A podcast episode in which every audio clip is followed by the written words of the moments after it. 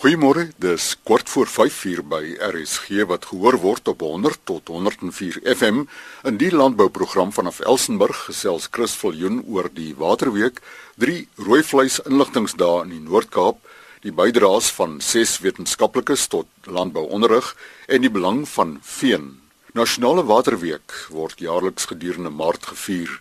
Hieroor verneem ons van Justin Lawrence, skakelbeampte van Cape Nature. Every year in March, South Africa celebrates the National Water Week, and with the ongoing drought continuing to plague the Western Cape, it's especially pertinent to discuss how precious this resource is and how valuable it is to the province. Now, the Western Cape is critical to any conservation effort in South Africa because it's not only one of the most ecologically complex and biodiverse areas in the world, but it's also one of the primary water catchment areas in South Africa. In fact, 57% of South Africa's strategic water resources are located here in the Western Cape. And Cape Nature manages most of the mountain catchments and the nature reserves, which supply ecosystem services such as producing water to the citizens. So the work that happens here has a direct bearing on the quality of life for millions of people in the province. The way Cape Nature manages the water is through healthy and functioning ecological infrastructure, that is our rivers, the streams and the wetlands and the water catchment areas, which act like water holding and water producing devices. So they provide clean, safe water to the rivers, to the dams, and then ultimately to the end consumer. There are three ecological processes which we focus on. It's namely the alien and invasive species, fire and fresh water, and the integrated management of these ecological processes can be applied very successfully to conserve and in some cases restore the water factories of the Western Cape. It's in the interest of the healthy catchments and the people of the Western Cape that action is taken to protect the sustainability of water yield from South African catchments. Cape Nature's dedication to the integrated management and the restoration of the province's mountain catchments is something that all people of the Western Cape can benefit from. While the conservation authorities are playing their part to manage and conserve water as best as possible, the people of the province also need to do the same and use water as sparingly as possible. So ultimately there's a huge amount of work that goes into getting the water from our mountains to the taps. If you need more information on Water Week or any water saving tips, you can visit capenature.co.za or call us on 021-483-0190. Die skakelbeampte van Cape Nature, Justin Lawrence en hulle telefoonnommer 0214830190. Drie rooivleisdae is pas in die Noord-Kaap gehou. Die voorsitter van RPO in die Noord-Kaap, Johan van der Kolf, gesels vanaf Holliston. Dit gaan met ons hier in die Noord-Kaap van uiters goed tot uiters sleg, maar ons elke man het maar sy manier om die dinge te oorkom. Maar net gou iets oor die drie rooi vleis daar. Ons het die afgelope week het ons rooi vleis daar gehou eers in Vryburg, daarna het ons na Richmond toe en laastens in Griquastad.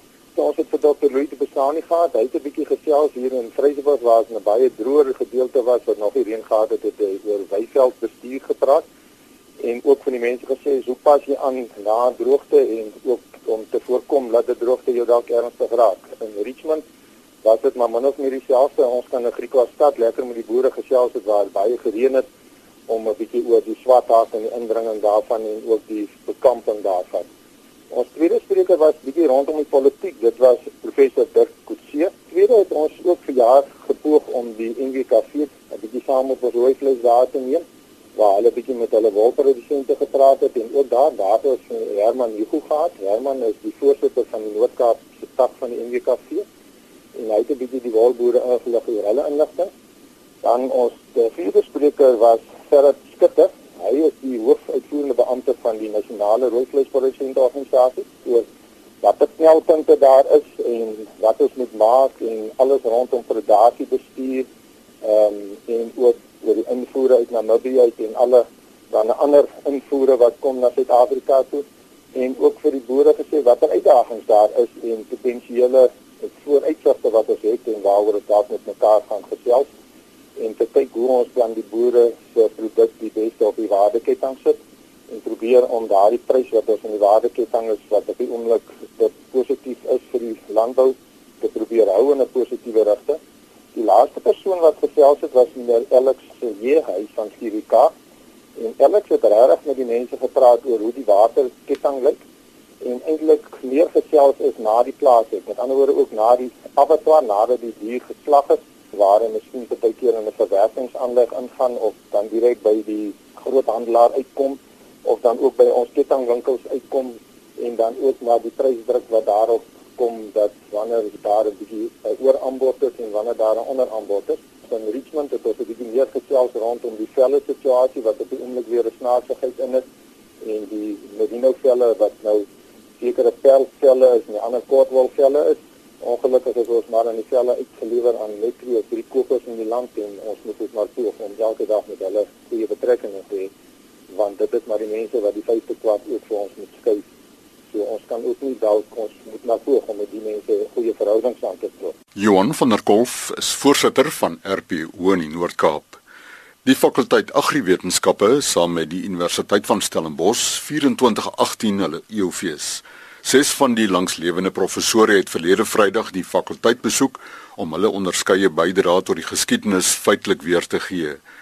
Professore Piet Gousaard, Wingerdbou, Eckhart Kassier, Landbouekonomie, Roos Pinaar genetika, Dankie Strydom hortologie, Martin Hatting plantpatologie en Willem Vosloo varkproduksie.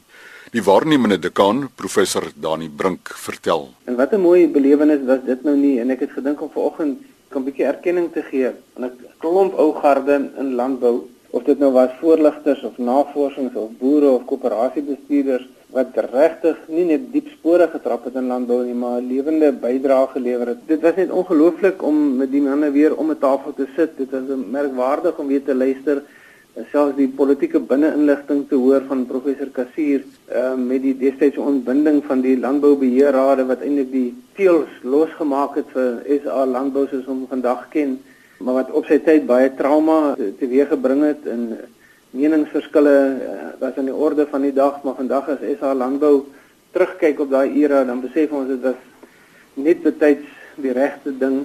Dit is merkwaardig ook hoe die die industrie daarvan af kon versterk. So professor Pinaar wat regtig waar 'n loopbaan lank sy netwerk wêreldwyd opgebou het en saadmateriaal vir die graansektor versamel het, die genetika kwantitatiewe genetika planteteelt gevestig het waarop vandag nog voortgebou word in Stellenbosch op die saadbank wat hy ontwikkel het en tegnologie wat hy gevestig het bou vandag nog voort en dit is nog 'n essensiële gedeelte of 'n deel van die genetiese verbetering van sade en word verskeie kultivars nog vrygestel van saadmateriaal wat sy oorsprong by hom gehad het. Ook professor Dankie Strydom wat in die hortologie bedryf by weier is net Suid-Afrika ook in selfs tot in Suid-Amerika groot bydrae gelewer het met die intensifisering en die ontwikkeling van uh, die boord en produksietegnieke uh, veral die boomfisiologie komponent in in hortologie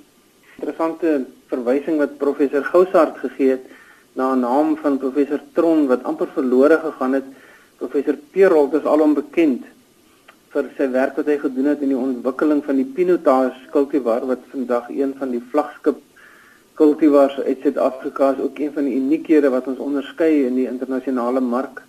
Ehm um, die kultivar wat hier vanaf Stellenbosch vrygestel is, maar interessant as jy na professor Gousaard luister om te sien dit is mos nie 'n een mans ehm uh, projekte nie in die baie belangrike werk wat professor uh, Tron daarin gespeel het met die ontwikkeling van onderstokke kruisings wat hy gemaak het. Maar kom ons gee vanoggend op die lig erkenning nie net in die 6 stuks wat ons kom besoek het nie, maar die 60 talle daar buite wat almal op hulle beskeie maniere in die landboubedryf oor baie jare diep spore getrap het slote gegrawe het waar ons vandag fondasies kan lê om die toekoms te bou. Professor Dani Brink is die waarnemende dekaan van die fakulteit Agriwetenskappe aan die Universiteit van Stellenbosch en die EOFees in 2018. Dr. Alcia Grindling, senior navorser vlei lande by LNR Instituut vir Grondklimaat en Water, beantwoord nou die vraag: Wat is veen? Veen is 'n organiese materiaal wat akkumuleer onder permanente nat toestande. So 'n veenland is 'n baie spesiale tipe vlei land. Nie al die vlei lande is veenlande nie, want Suid-Afrika is daar tydelike, seisonale en permanente nat vlei lande. Nou dis belangrik vir die luisteraars om te besef dat veenlande belangrike stoorareas is vir koolstof en water. En hulle wissel, hulle plante groei kan van kort bissies en gras bedekking bestaan tot lang riete en palmiete en selfs moerasbosse. Wêreldwyd is daar die fokus is baie meer op die veenbewaring. En dit is belangrik omdat ek reeds genoem het hulle stoor koolstof en water. Internasionaal is die fokus nou op bewaring gekom as gevolg van veenbrande wat voorkom en ons dink in voorbeelde hiervan in Indonesië. Maar selfs in Suid-Afrika het ons verlede jaar veenbrande gesien wat voorkom aan die ooste van die land, selfs in die noordelike dele en aan die weste. En die rede hiervoor is die veen wat onder permanente nat toestande akkumuleer, droog uit. En dit kan wees as gevolg van die watertafel wat sak meeste van die gevalle is dit as gevolg van menslike gebruik. Die droogte speel ook 'n rol, maar dis nie altyd die hoofrede nie. Van hierdie redes is natuurlik spesifiek op sekere plekke verskil dit. Maar wat dan gebeur is die watertafel sak, die veen droog uit en enige veldbrand of weerligstraal of iets kan daai uitgedroogde veen laat brand. Dit smeul, dit rook, dit kan selfs ondergrond brand, so onder die oppervlak en dit is baie gevaarlik vir mense en diere. Nou van die voorbeelde verlede jaar wat baie in die nuus was, was die Molopo veenland wat gebrand het in die Noordwes provinsie.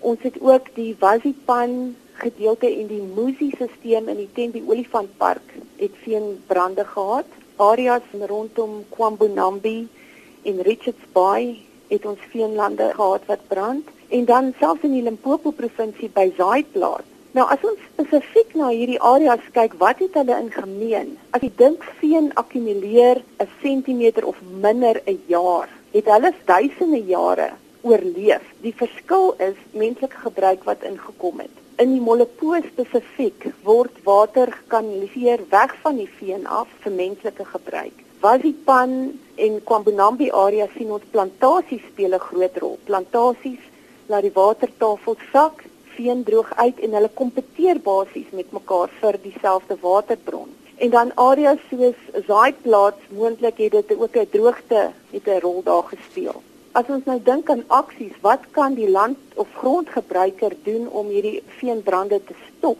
Basies die vlei lande is 'n uitdrukking van waterbeweging in die landskap. So as jy daai water wegvat, dan gaan jy effek hê op die vlei. En dit kan wees deur dreinering, Dit kan wees deur plantasies wat te naby aan die vlei geplant is, bufferzones wat nie gerespekteer word nie of onttrekking selfs uit met boorgate, onttrekking van die grondwater uit die akwifer het ook 'n rol want die vlei lande is baie keer afhanklik van daai grondwater.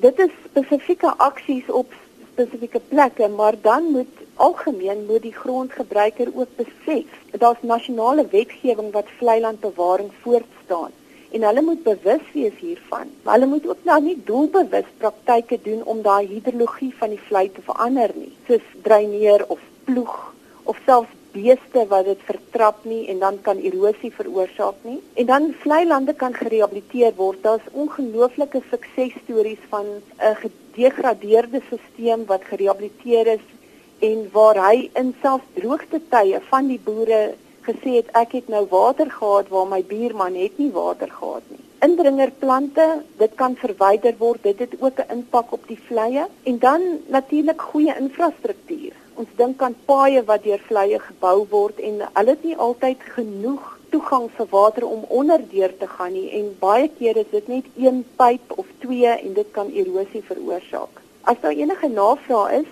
kan hulle my kontak by my e-pos, my naam Alfia A L T H E A @arc.agric.za. Senior navorser van LNR IGKW, Dr Elsia Grinling, haar e-pos elsia@arc.agric.za. Hoe kan heuning getoets word om die suiwerheid daarvan te bepaal? Voedselwetenskaplikes het 'n maklike toets ontwikkel wat met die hulp van 'n draagbare toestel op 'n plaas of fabriek benut kan word. In RSG Landbou, môreoggend om kwart voor 12, 'n wetenskaplike manier om heuningbedrog hok te slaan. Chris Viljoen groet, beste wense.